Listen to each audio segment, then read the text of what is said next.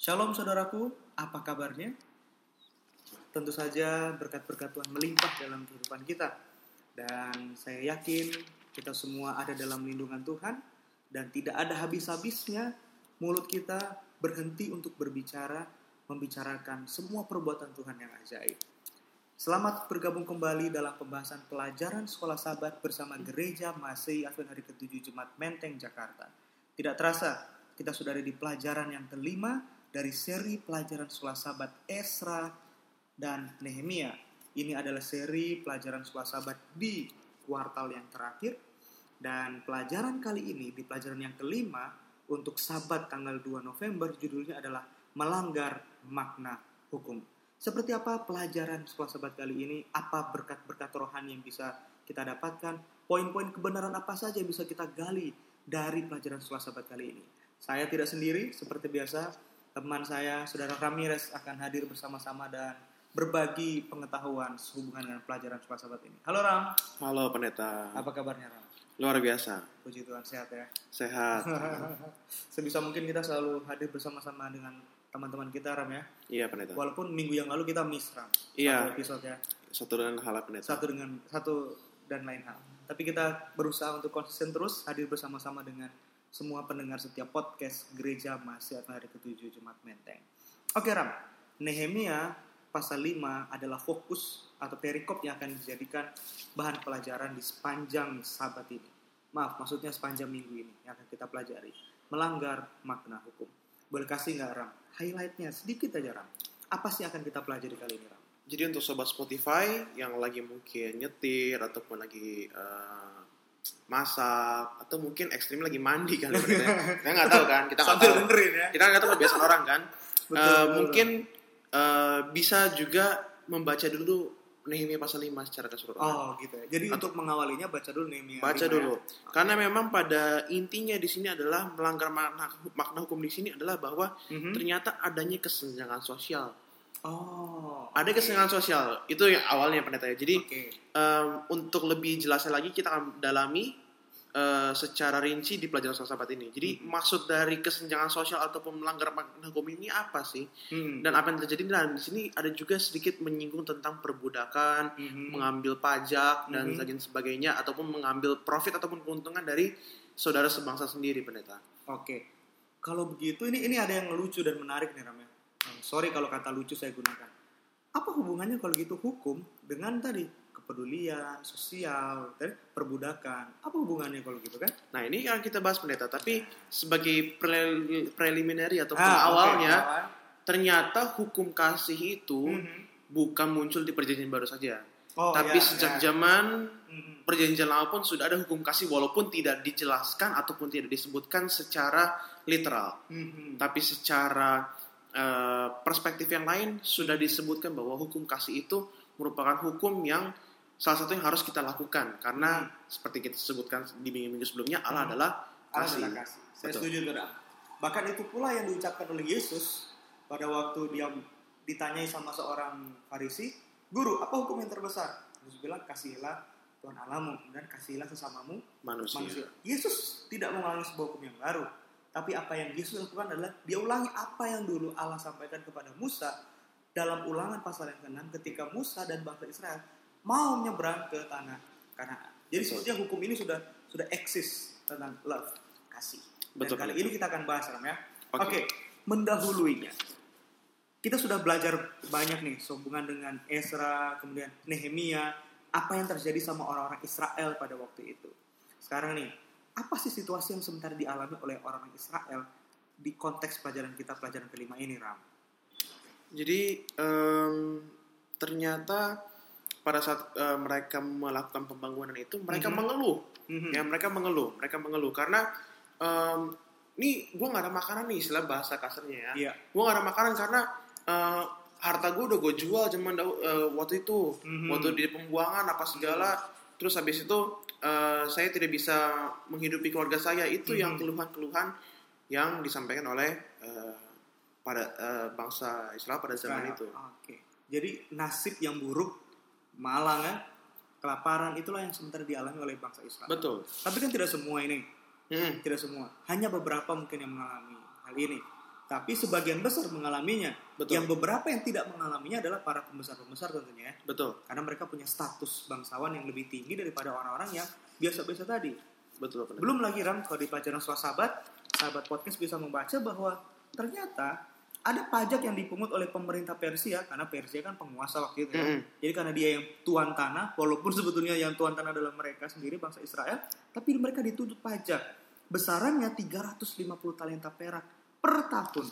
Wow. Ini di provinsi Yehuda saja loh. Belum provinsi-provinsi yang lain. Jadi bisa dibayangkan kekayaan si Persia ini, wah besar sekali. Kalau dihitung-hitung, satu talenta perak itu besarnya 34 kilogram. Kalau 350 kali 34, wah hitung sendiri deh. Banyak banget. Banyak, pendeta. Ini dan itu adalah pajak yang harus dikumpulkan untuk setiap keluarga selama setahun. Waduh, men. Terlalu besar bagi mereka. itu kalau divaluasi sekarang berapa ya? Wah, miliaran miliaran. Miliaran mungkin ya. Miliaran, miliaran. Ini setahun loh. Kita aja uh, kalau misalnya kerja pajak pribadi cuma paling berapa puluh Hmm. ribu, berapa ratus ribu rupiah. Mhm, mhm. Kalau misalkan ini mereka, wow. Hmm. Pajak motor, mobil aja kadang-kadang kita minta bersama kantor. ya nggak begitu juga pendeta. Tapi intinya mungkin nggak sebesar yang kita pikirkan ya. Mhm. Pa- tapi ini sangat-sangat menyusahkan bangsa Israel pada zaman Betul, dahulu. betul sekali. Itu berarti ada kesenjangan kehidupan. Betul. Kesenjangan status sosial itu dipengaruhi karena ekonomi mereka. Ada yang kaya dan ada yang miskin. Nah mungkin Sobat Spotify bisa melihat atau Mhm. highlight di Nehemia 5 Mhm. ayat 1 sampai 5 pendeta. Betul. Yeremia 5 ayat 1 sampai 5. Jadi sambil mendengarkan penjelasan kita, mereka sambil membaca kita baca swasaba dan Alkitab. Mhm. Ada yang menarik ini Ram. Ada sebuah pertanyaan penting sebetulnya yang akan mendahului eh, diskusi kita lebih lanjut. Kenapa sih Tuhan menempatkan orang miskin di tengah-tengah kita Ram? Ini pertanyaannya sebenarnya men- eh, menarik ya, Mhm. karena ini merefer juga ke pelajaran swasaba kita di triwulan yang lalu. Oh betul. Yang paling hina. Yang paling hina dari semuanya itu. Ya. Jadi kenapa Allah itu bilang bahwa akan ada tetap orang-orang miskin yang selalu padamu? Jadi saya Hmm. pernah begini pendeta. Ya. Saya pernah pelayanan bersama eh, teman-teman Oke. ke salah satu jemaat di Jakarta Ya. di, di daerah Kuningan. Mhm. Jadi eh, saya waktu itu kebetulan memimpin diskusi. Mhm. Saya tanya ke pemimpin diskusi, saya tanya kepada kelas, eh, kenapa sih kok Tuhan itu membiarkan orang miskin? Mhm. Jadi ada satu ketua jemaat, eh, seorang ibu-ibu, Mhm. dia berkata seperti ini, Tuhan itu mau melihat apakah kita bisa menjadi saluran berkat bagi mereka. Ah, oke. Tuhan ingin melihat apakah kita mampu rendah hati untuk uh, memberikan yang terbaik bagi mereka. Karena Mhm. ternyata dia juga bilang, kalau misalnya kita baca firman Tuhan, hidup kita itu bukan untuk diri sendiri, Betul. tapi untuk kepentingan semua bangsa. Karena Tuhan Mhm. pun datang ke dunia itu untuk melayani kita. Saya setuju. Nah, apalagi kita, kita kan mempunyai teladan itu Yesus. Jadi Mhm. kita harus melayani orang lain baru melayani diri kita sendiri. Saya setuju itu Ram. Itu berarti Ram bisa kita katakan bahwa kenapa ada orang-orang yang boleh kita kategorikan, mohon maaf kita katakan miskin sebagai sebuah ujian iman dalam kehidupan kita. Hmm. Ya, ukuran kesetiaan kita kepada Tuhan, seberapa peduli kita terhadap orang lain. Betul. Jadi ujian iman itu ada akan memupuk karakter kita menjadi sep- seperti karakter Kristus. Betul. Kalau kita mengasihi orang yang baik sama kita, ya udah biasa aja itu kan Betul. mengampuni orang yang mengasihi kita ya biasa aja. Tapi Betul. kalau kita mengasihi orang yang tidak layak untuk dikasihi, mereka yang berkekurangan, apalagi kalau kita memberi dari kekurangan kita, bukankah kita sementara melakukan sama seperti apa yang Yesus lakukan? Betul. Itu Ram ya. Jadi terima kasih untuk jawaban itu Rami. Kita sekarang masuk ke bagian berikutnya. Kita tidak bisa pungkiri Ram bahwa akan ada masa-masa sulit dalam kehidupan kita. Bisa saja itu terjadi karena akibat diri kita sendiri. Sama seperti apa yang dialami oleh bangsa Israel. Tapi bagaimana Ram kita bisa belajar untuk tetap setia kepada Tuhan walaupun ada di masa-masa yang sangat sulit. Nah ini yang menjadi tantangan sebetulnya pendeta. Mhm. Tantangan setiap umat-umat Tuhan bahwa akan ada namanya ups and downs, naik turun Hmm. itu pasti ada. Mhm. Yang namanya kalau kata orang-orang bijak kan hidup itu kan seperti roda kadang Betul. di atas, kadang di bawah. Dan saya yakin percaya tokoh-tokoh tokoh-tokoh Alkitab pun banyak yang mengalaminya. Mhm. Seperti Daud contohnya. Mhm. Dia sampai harus lari Mhm. dari bapaknya Yonatan, Mhm. ya kan? Mhm. Supaya tidak dibunuh. Terus habis itu siapa lagi? em, banyak sekali eh, seperti Daniel. Daniel juga sampai harus dibuang ke ke lubang singa. Lubang singa. Itu apakah bukan suatu hal kesusahan? Mhm. Kita di sini bukan hanya bicara konteks ekonomi pendeta mungkin ya. Mhm. Jadi eh, dari tokoh-tokoh Alkitab tersebut mereka tetap berpegang teguh terhadap janji Tuhan. Balik lagi Betul. ke pelajaran-pelajaran Yes, sebelumnya. Janji betul Tuhan. sekali, Janji Tuhan. Susah memang itu kan teori kan, tapi memang itu yang harus menjadi eh, bukan tolak ukur apa ya, menjadi pergumulan kita Mhm. bagaimana kita harus mempercayai eh, janji Tuhan. Betul. Justru di saat seperti itulah janji Tuhan terasa lebih jos ya, mantep kan. Betul. Di saat kita susah, sulit. Sepertinya perbudakan ini jadi sebuah eh, norma budaya yang lumrah ya pada zaman itu ya. Ketika orang tidak mampu membayar, mungkin nggak tahu lagi harus bayar pakai apa, ya. akhirnya dia dia bayar mungkin pakai dirinya sendiri. Kalau nggak punya ya dia pakai anaknya. Sehingga banyak kita temui saudara dengan saudara malah saling memperjualbelikan diri mereka. Ini juga yang yang ditegur sama sama si Nehemia. Dan menariknya Ram, Nehemia mengingatkan kembali mereka terhadap apa yang Allah lakukan dalam kehidupan bangsa Israel di zaman purbakala. Bahwa setiap tahun yang ketujuh, ingat dulu tahun Jobel, Iya, Allah membebaskan Allah mau bangsa Israel membebaskan semua hutang-hutang betul. yang budak dimerdekakan semuanya. Dan panggilan ini juga yang diulangi oleh Nehemia di Nehemia 5 ayat 10. Dan yang menariknya lagi adalah ternyata Nehemia pun ada dalam lingkaran yang sama nih, Ram. Walaupun penuh dengan kontroversi apakah dia ini mengutangi orang pakai bunga atau cuma minjemin doang. Tapi yang pasti Nehemia ada di lingkaran yang sama. Tapi panggilannya adalah Nehemia mungkin walaupun dia minjemin orang dia nggak berharap pinjaman itu kembali. Mungkin ya pendeta ataupun kalaupun dia ikut meminjamkan tapi dia Mhm. mempengaruhi seluruh petinggi-petinggi untuk ya udah stop lah kita men- Mhm. apalagi menagih bunga. Yes. Nah itulah yang sebetulnya kalau misalnya kita misalnya contohnya kita kasih pinjam eh, 500 contohnya, Mhm. Ya kalau misalkan eh, kita nggak bilang, gue udah deh nggak usah ada nggak ada bunga, mungkin orang tersebut mungkin nggak ada beban untuk balikinnya ya. Iya, iya. iya. Tapi karena ada bunga tersebut akhirnya membuat orang jadi kesusahan. Mhm. Bunganya mungkin 10% gitu loh Mhm, contohnya. mhm. 10% per bulan. Ya bayangin aja 500 ri- 500 500 10 persennya 50. 50. Kalau misalnya nggak bisa bayar, bulan berikutnya lagi Waduh. bergulung-gulung terus. Iya, iya. iya. Ya kan? Mungkin orang itu mau balikin 500 pun mungkin nggak mampu. Bunganya aja mungkin udah nggak mampu dia apalagi mau Iya. balikin total Mungkin, keseluruhannya. mungkin. Nah, Hmm. makanya tapi di sini eh, Nehemia itu kalau misalnya kita baca di Nehemia 5, 6 Mhm. dan seterusnya, memang Nehemia itu eh, menentang akan hal itu pada akhirnya ya. Menentang akan hal itu dan dia memang mengajak seluruh petinggi-petinggi untuk bertobat. Tapi Mhm. memang agak ekstrim pendeta. Agak ekstrim ya. Ekstrim. Karena akhirnya dikumpulin di satu tempat Mm-mm. dan yang terjadi kemudian adalah sebuah pembuktian diperlukan oleh Nehemia. betul. Agar orang-orang ini jangan ngomong doang, Ram. Betul. Ya kan? Jadi ada satu sumpah yang diucapkan sama mereka. Dan sumpah ini ada hubungannya dengan berkat dan kutuk. Ah, Kalau gitu gimana dengan hal ini, Ram? Sumpah dan kutuk, nih, Ram. memang kadang-kadang eh, perkataan kita itu memang harus kita jaga ya ya. Mhm. Saya sendiri kadang-kadang suka tidak men- karena ya itulah sifat manusia yang dipupuk dari dulu Mhm. akhirnya keluar aja gitu kan Mhm. saya harus akui ya mungkin Mhm. so- sobat Spotify jangan menganggap ini sebagai batu sandungan ya Yes. ini pengalaman rohani ya Kita semua pengalaminya, Ram. pasti Mhm. pernah mengalaminya tapi eh, yang saya pelajari bahwa ternyata saya itu eh, maksudnya yang saya pelajari adalah bahwa ternyata sumpah atau apa pun itu ataupun Mhm. nazar itu Mhm. eh, misalnya kita bernazar oh saya mau ini Mhm.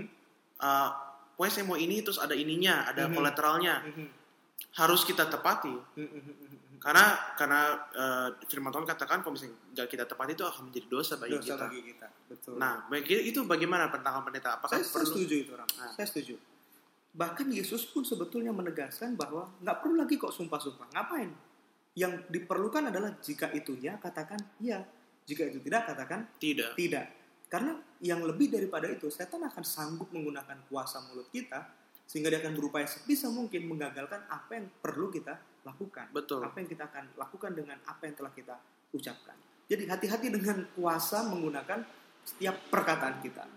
Saya jadi ingat ketika dunia ini diciptakan, berfirmanlah Allah.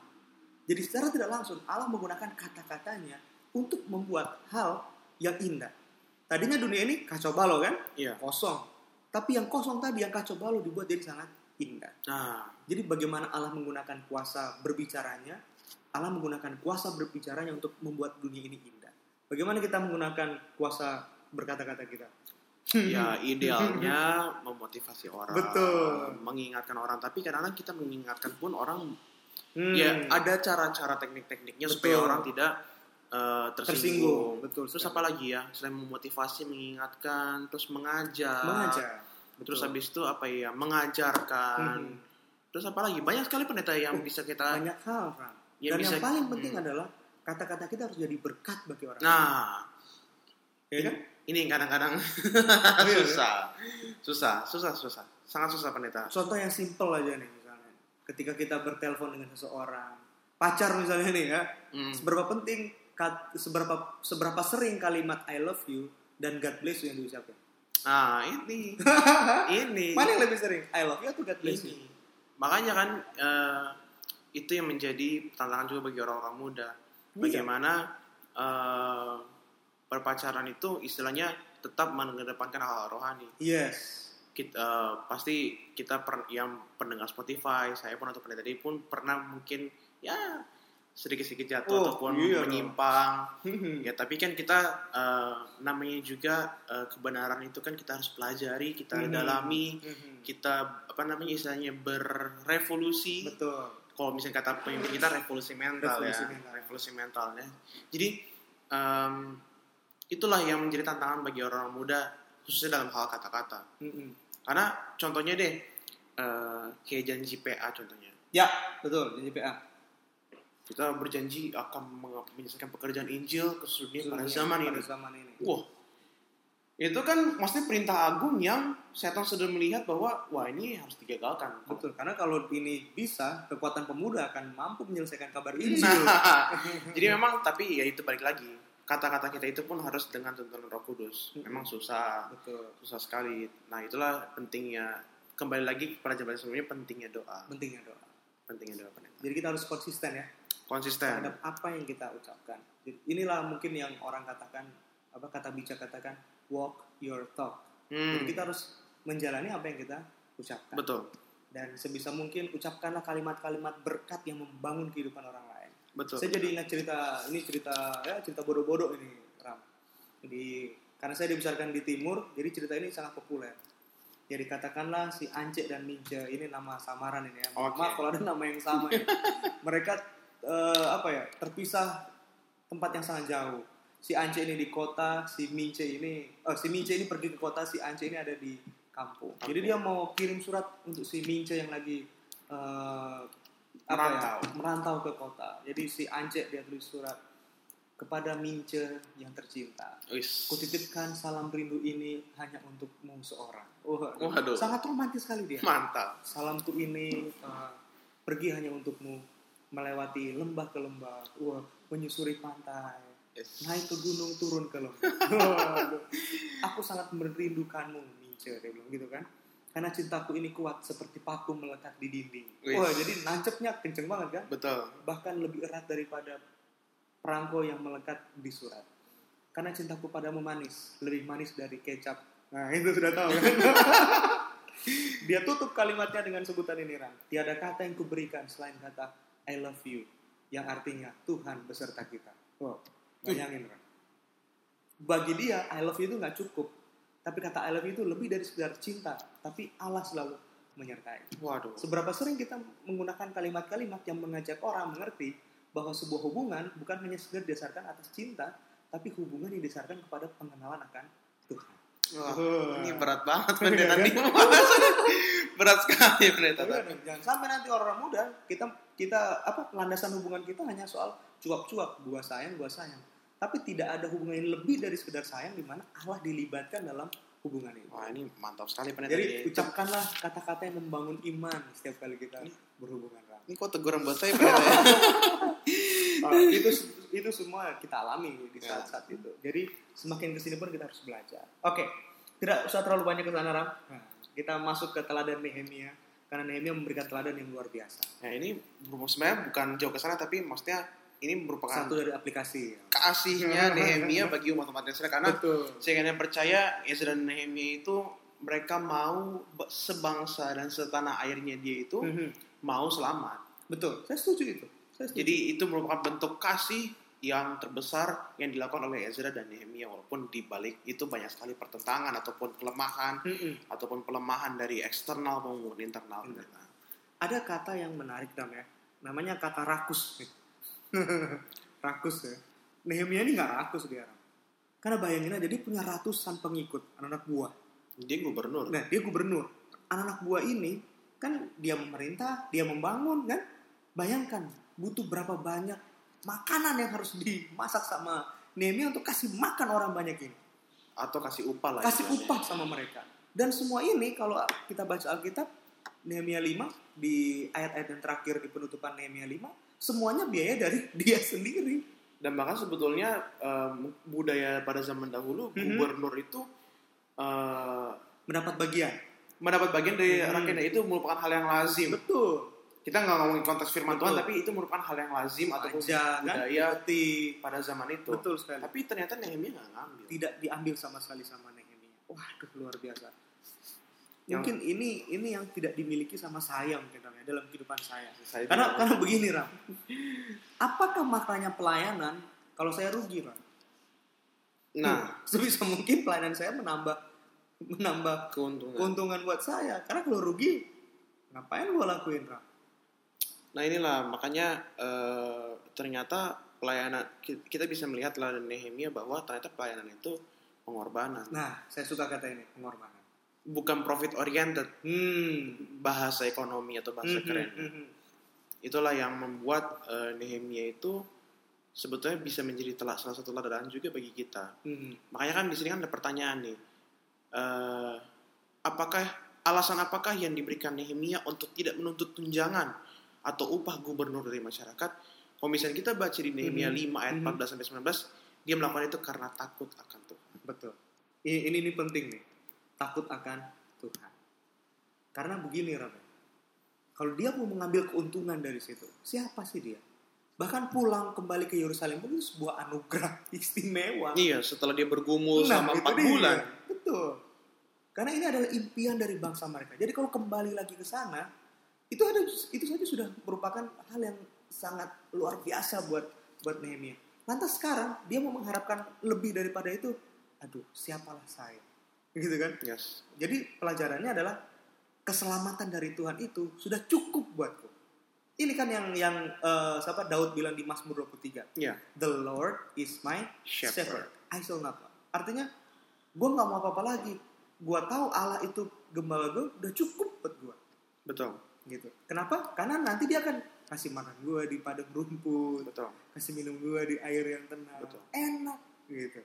Jadi mungkin ya kita kurang bersyukur sehingga kita melihat pelayanan adalah suatu hal yang mendatangkan plus-plus sama kita. Nah, makanya itu juga kan pastikan dalam pelayanan itu yang membuat mungkin perpecahan itu ada yang persungutan. Nah, aduh ini susah nih ini, ini, ini. Saya juga mengalami pendeta. Kita semua mengalaminya kan. Mhm. Nah, kita pasti punya namanya apa namanya pelayanan tersendiri. betul, betul.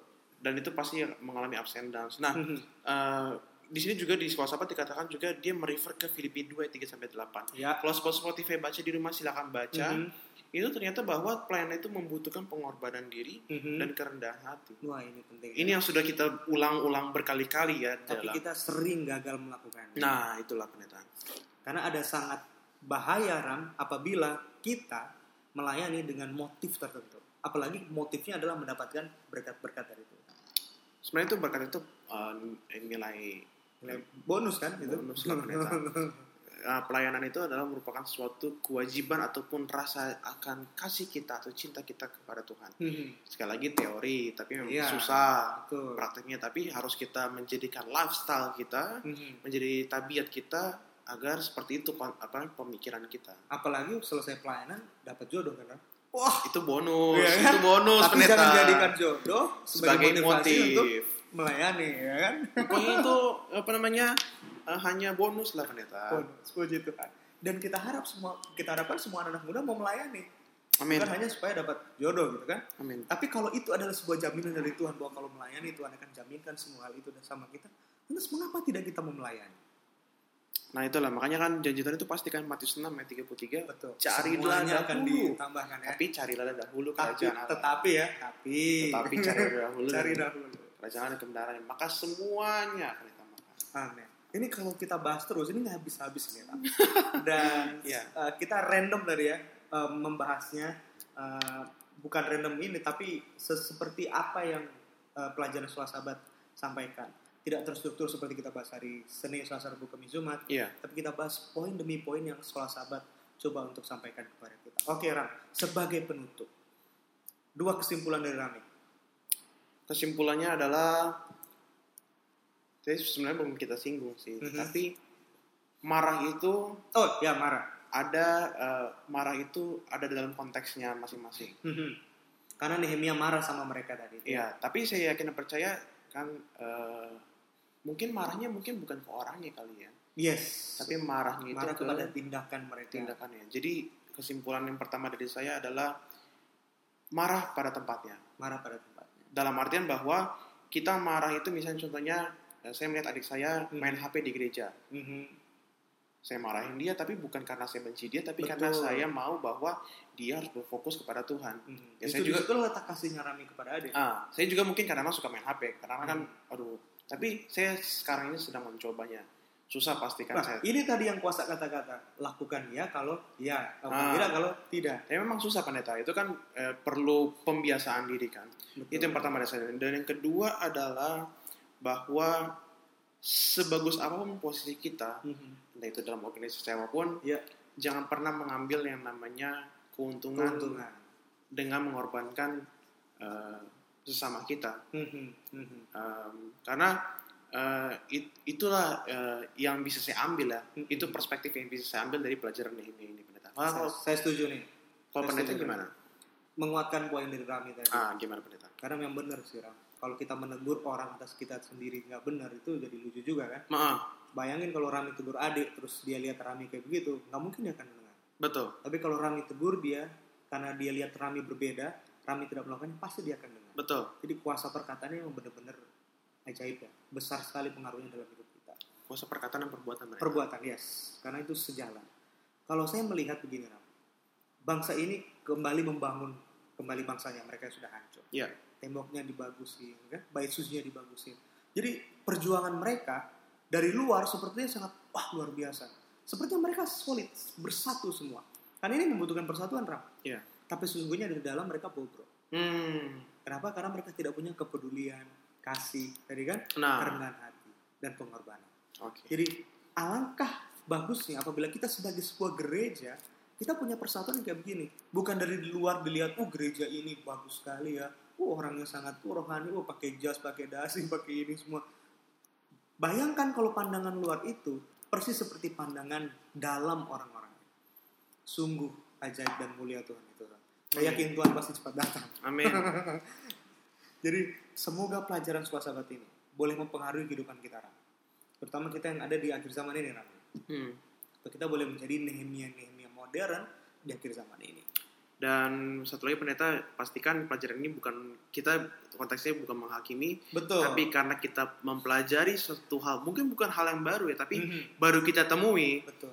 Eh, jadi biarlah pelajaran ini mengajarkan kita eh, untuk rendah hati, Mhm. untuk lebih mengor- pengorbanan diri dan menyerahkan diri kita kepada Tuhan. Betul, Ram. Jadi Esra dan Nehemia bukan hanya soal sejarah, Hmm. tapi di sini ada kebangunan rohani Ada kebangunan. di dalam bagian sejarah itu. Ada yang bisa kita Betul, ada feeling diambil. Jadi kalau firman Tuhan ini sepertinya menyinggung kita, itulah fungsi firman untuk merubah kehidupan kita.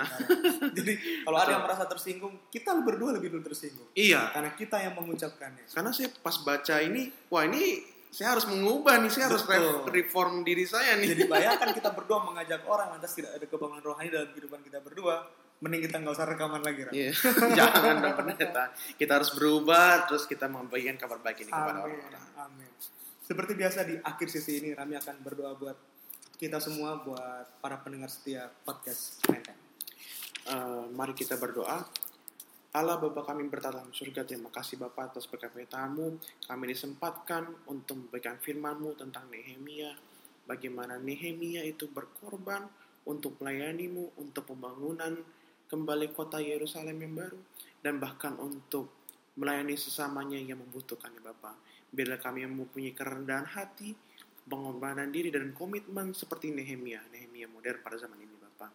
Biarlah sahabat-sahabat Spotify yang mendengarkan dapat terberkati dan dapat uh, merenungkannya kembali pelajaran ini di rumah dan kami semua dapat melakukannya Bapak. Terima kasih Bapak, doa ini kurang sempurna dan bahkan mungkin diskusi ini kurang sempurna. Biarlah Engkau yang sempurnakan melalui roh kudusmu kepada kami masing-masing.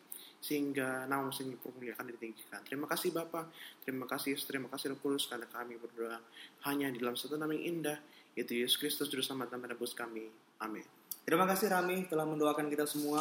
Terima kasih semua pendengar setiap podcast Menteng telah bergabung bersama kami dalam diskusi pelajaran sahabat. Pastikan kita semua belajar sahabat masing-masing di rumah bersama dengan suami, istri, anak, keluarga, teman-teman. Dan kalau ada saudara-saudara yang tidak mendapatkan sahabat, boleh menghubungi Departemen Sekolah Sahabat atau saudara boleh download gratis di internet. Pertumbuhan kerohanian kita sangat diharapkan sehingga pelajaran sahabat yang setiap kali saudara dengarkan akan mengubah kehidupan kerohanian kita. Sampai bertemu di pembahasan sahabat yang akan datang. Tuhan Yesus memberkati.